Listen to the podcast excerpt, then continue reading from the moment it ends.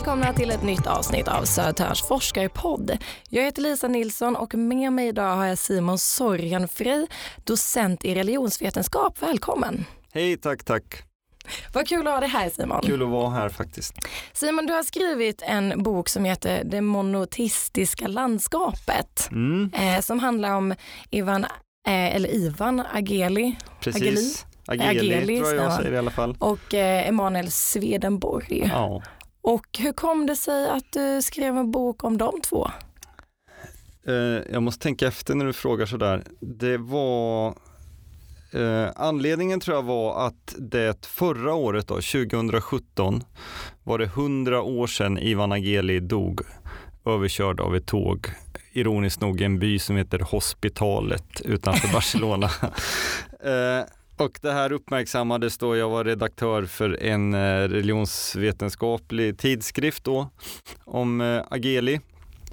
Och han, han är ju känd då som konstnär kanske Mm. man ska säga då. Men han var också religionsfilosof och eh, religionshistoriskt intresserad. Och han är också känd som en av de första som konverterade till islam i Sverige då. Mm. Och jag är ju islamforskare. Så då skulle jag skriva något om Ageli och hade tänkt skriva om honom och islam och sådär. Men det har rätt många gjort. Ja, Och när, för, för, absolut. förlåt, det blir en Kör. lång drapa här.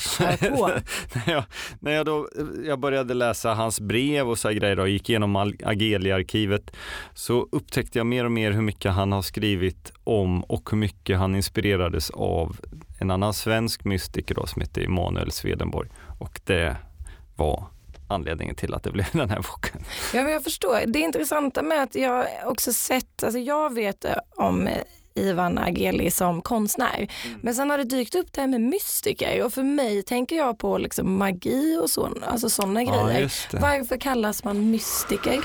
Mystiker är ett sånt här religionsvetenskapligt begrepp vi använder om personer som försöker få en sorts egna erfarenheter av ja, det gudomliga eller en andlig verklighet eller något sånt. Då. Så att kanske till och med uppleva kontakt med en andlig verklighet. Då.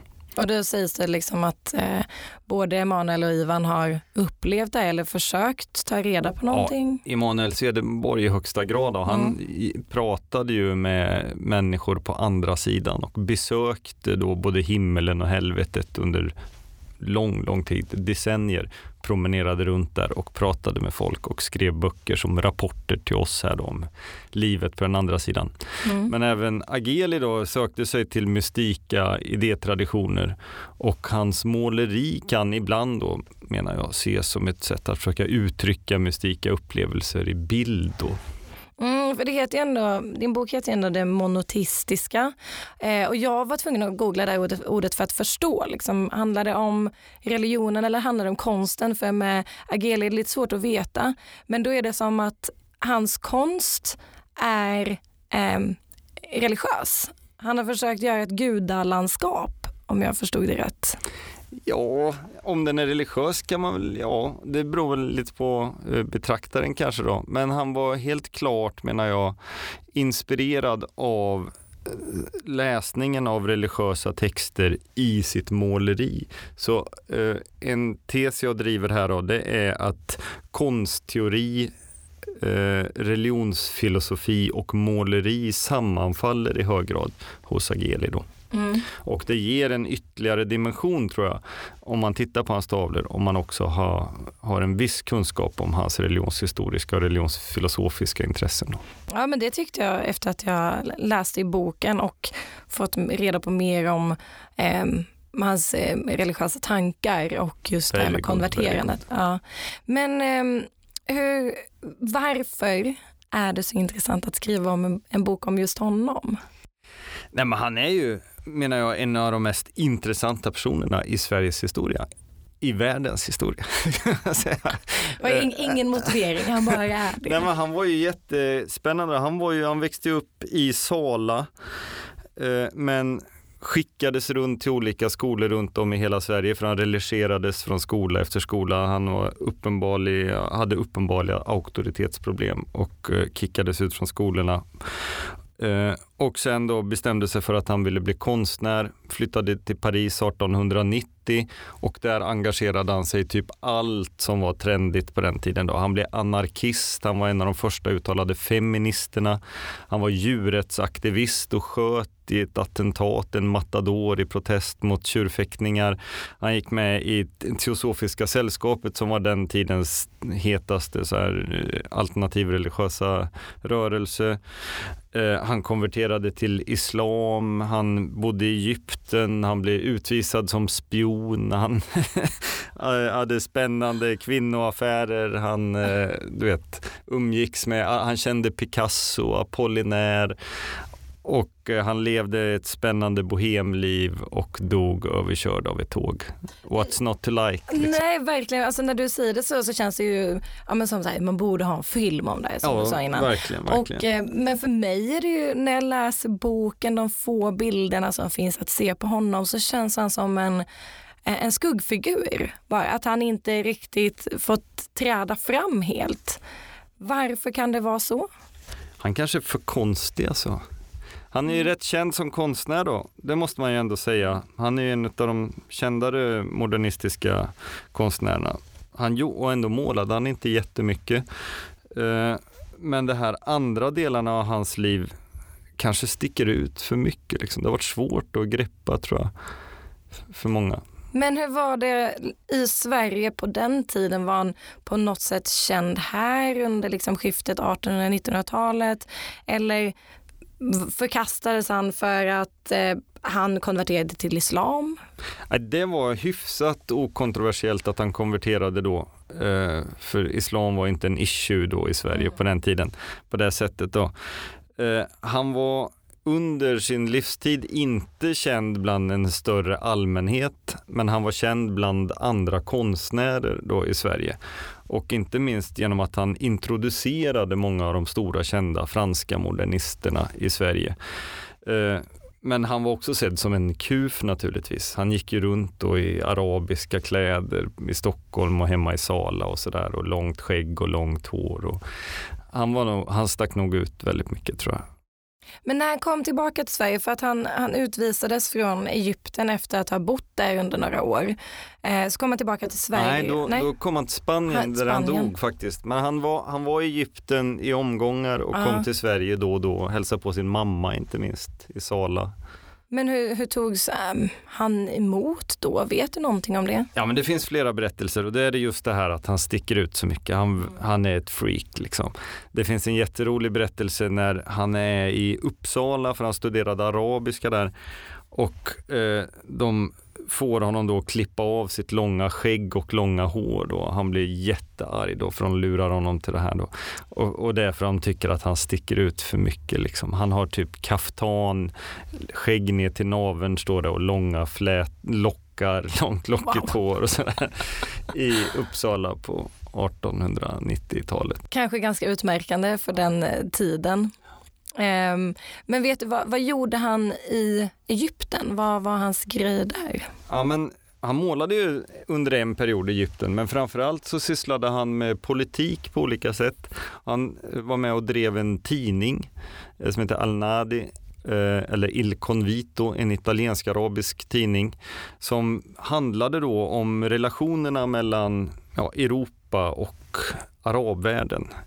Europa och Egypten, mm. men också kristendom och islam.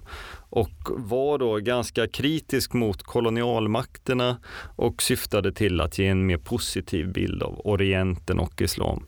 Och som en del i det här arbetet då så tycks han också ha fått de här misstankarna om att han var någon sorts spion och utvisades. Okej, men vad kan man säga om hans eh, tankar kring religion eftersom han ändå kallas religionsfilosof? Vad, vilka kopplingar hittade han mellan kristendomen och islam? Ja, vad han egentligen då, han var ju Swedenborgare snarare än kristen i bemärkelsen Svenska kyrkan. Då. Han trodde inte på treenigheten till exempel utan var monoteist i betydelsen att han verkligen menade att Gud var en då mm. och såg därigenom likheten mellan Swedenborgs teologi och islam. Men sen var han som många då inom, jag nämnde det här teoso, teosofi och det teosofiska sällskapet. Vad som var utmärkande för teosofin var att man var intresserad av alla världens religiösa traditioner och blandade de här. Då. Och det kan man se att han också gör. Då. Han kan i ett och samma textstycke då skriva om, om kinesisk daoism från 500 f.Kr. om Swedenborg från 1700-talet, om eh, Ebn Arabi då, som var en 1100-tals mystiker, eh, muslim och om liksom samtida eh, Madame Blavatsky till exempel då, som var viktig inom teosofin. Så vad som var rätt utmärkande för honom var väl den här att han blandade typ allt gött han hittade då i en stor blandning på något sätt. Men vad, tro, varför tror du att han gjorde det? Alltså finns det någon tanke kring om han var liksom borttappad själv i liksom en, en djungel av religioner eller var det bara av ett intresse att se skillnader eller likheter?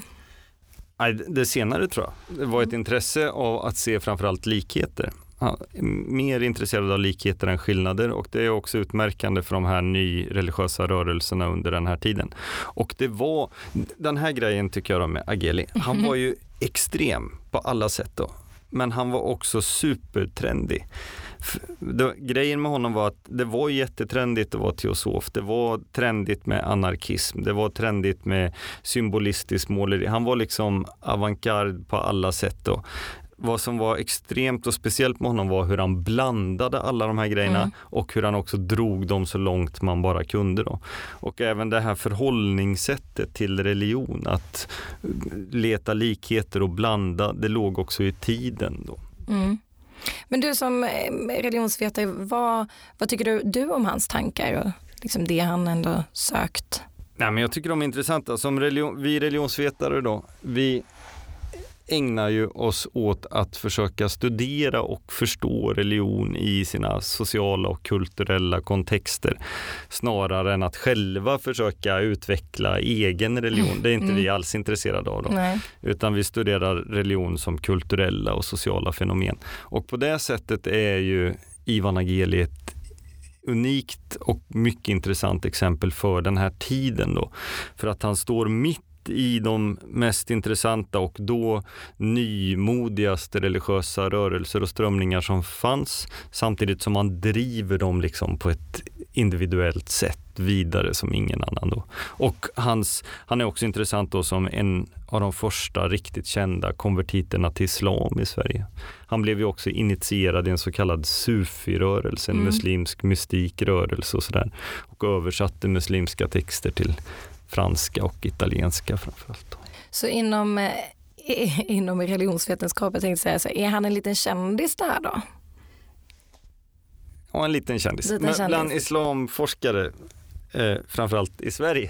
För att han, han var en av de första med ja, att precis, konvertera? Precis. Okay. Jo, men han, är, han är känd, jag tror att han är mest känd då kanske som konstnär och sen kanske som religiös sökare.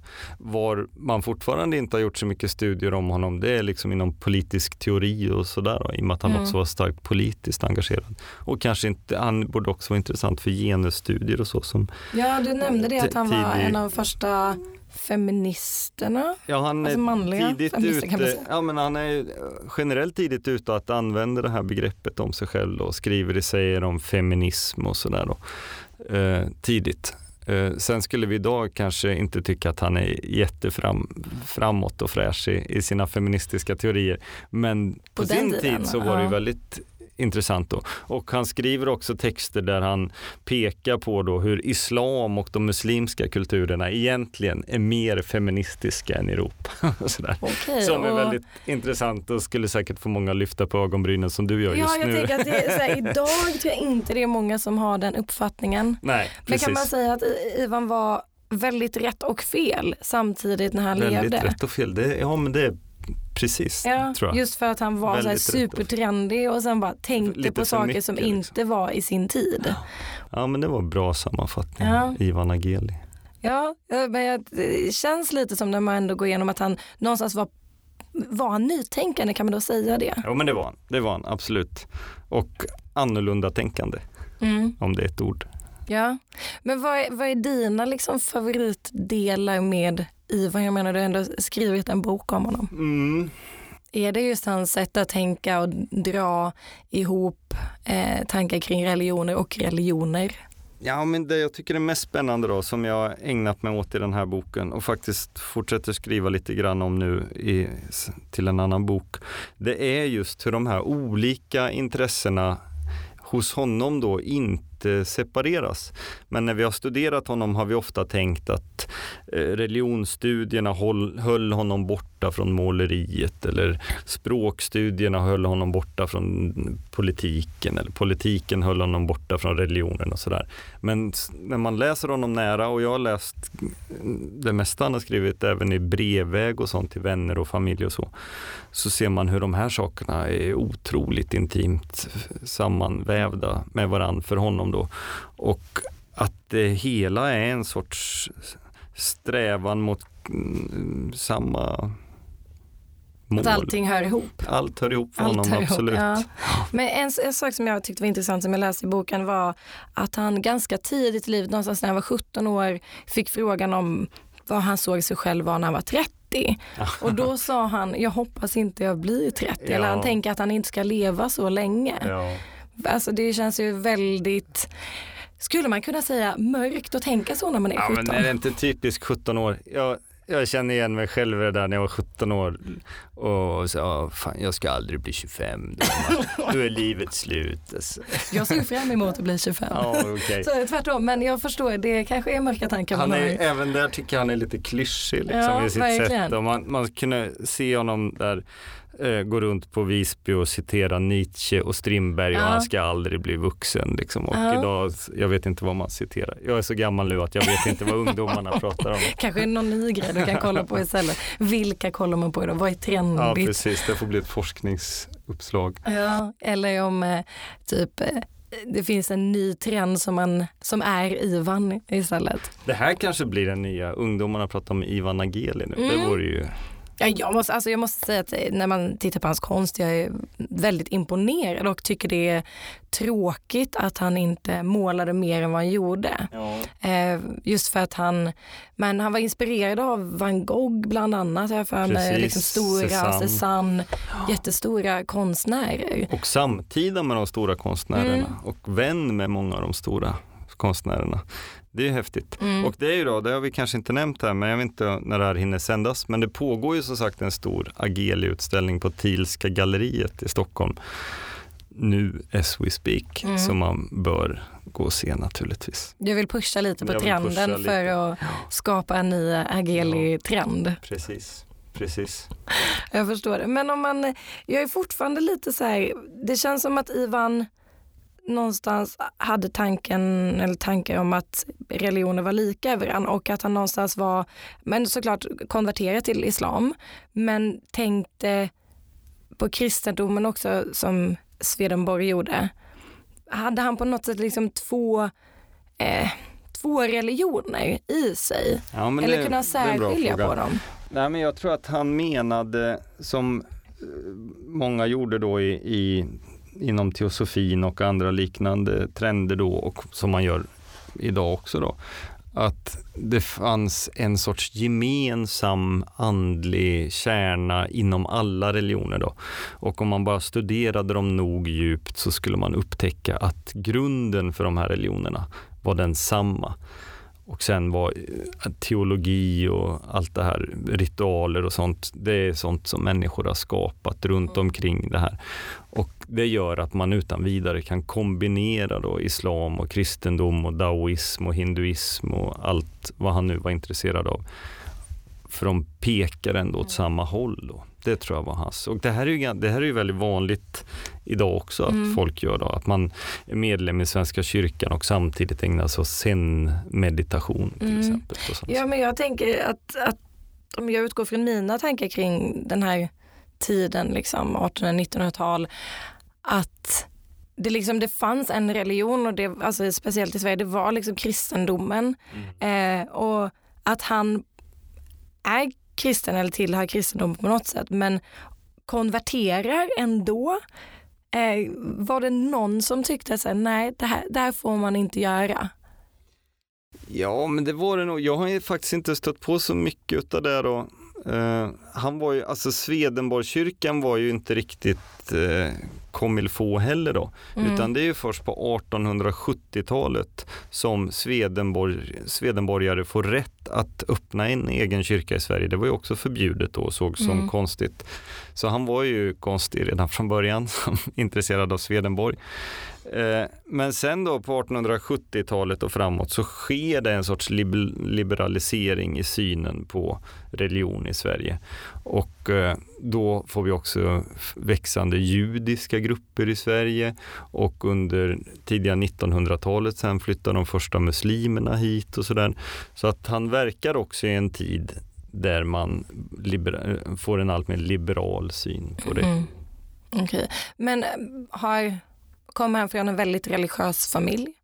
Nej, hans mor då, Anna Ageli, som han hade ett väldigt nära förhållande till genom hela livet då, eh, hon var också svedenborgare. Hans far verkar ha varit eh, ett as helt enkelt mm. och, och, inte alls värst eh, religiöst orienterad. Jag läste någonting om att hans pappa var väldigt hård. Väldigt sträng och eh, sadistisk verkar det ja, som. Ja, misshandlade djur. Ja, han var ju veterinär kan man säga, men också en avancerad djurplågare. Vilket är intressant då i att mm. Ageli sen blir djurrättsaktivist och mm. vegetarian och sådär. Mm. Som ett, hela hans liv kan ses som ett långt fadersuppror.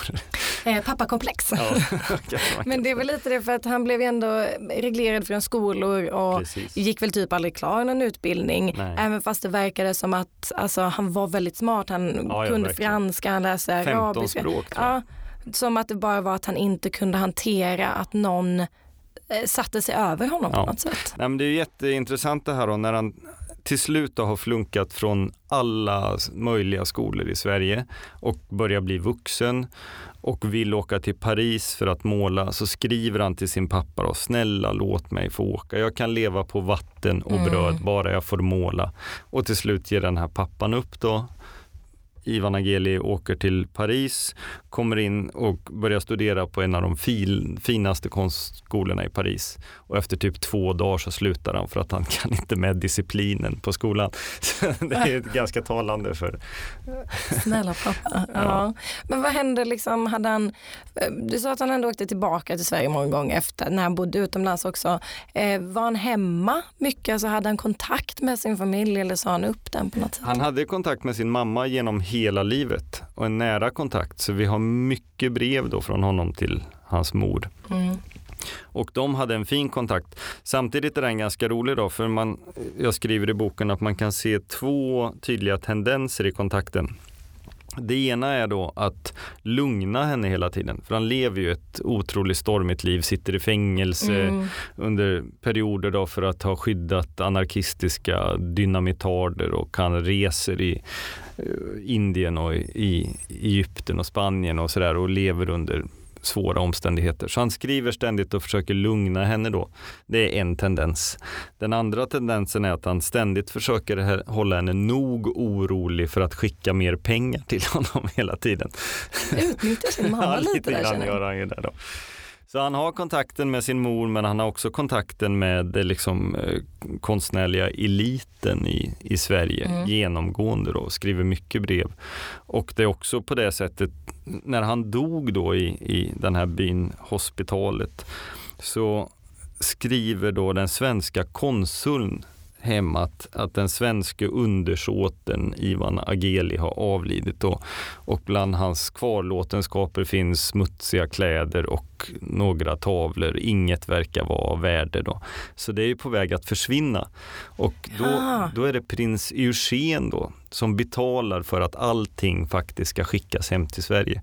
Så det kunde ha gått förlorat om det inte vore då för att han var så känd mm. i konstnärskretsar ja, i Sverige. Ja, för prins Eugen, eh, han var väl också Konst, ja, konstnär? Och, och mecenat inte minst åt många konstnärer. Ja.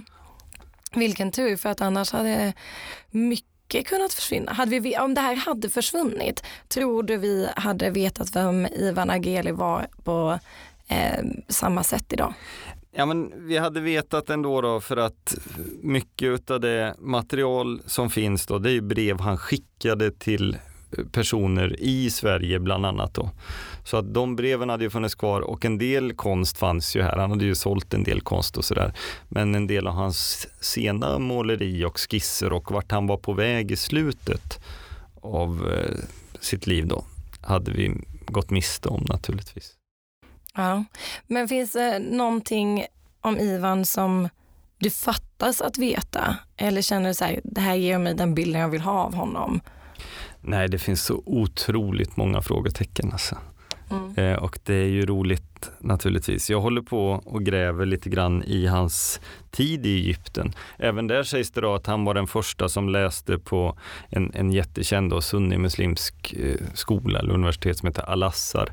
Och jag har eh, försökt, jag har betalt en egyptisk forskare faktiskt för att gå igenom arkiven där. Och de, har all, de hittar inte en enda notering om att han ska ha varit där. Och det sägs också att han initierades i en sån här sufiorden, mm. men den sufiorden var inte aktiv under tiden han var i Egypten. Det finns inga dokument som stödjer hur han initierades och sådär. Så det finns många gåtor liksom. Och han tycks ju också ha varit en väldigt effektsökande person då. Mm. Så att mycket utav berättelsen om hans liv, hans biografi är ju myt. Ja, det är så här, ta reda på vad gjorde han egentligen, egentligen. i Egypten. kommer förstöra hela storyn. Han kanske sa att han var där och var en helt annanstans och kom tillbaka, hade konverterat till islam ja. för att vara cool, jag vet inte, annorlunda. Ja visst, visst. Nej, vi vet att han var där, men eh, jag tror att mycket av de här berättelserna om honom får man ta med en nypa salt. Simon, vi måste avrunda, men tack så jättemycket att du ville komma tack, hit tack, och eh, berätta om eh, Ivan Ageli för att jag tyckte det var jätteintressant eh, och ska kolla in utställningen definitivt. Do it, do it. Ja. Tack, tack så, så jättemycket. Ni har lyssnat på ett avsnitt av Södertörns forskarpodd. Jag heter Lisa Nilsson och tekniker idag var Linus Svensson.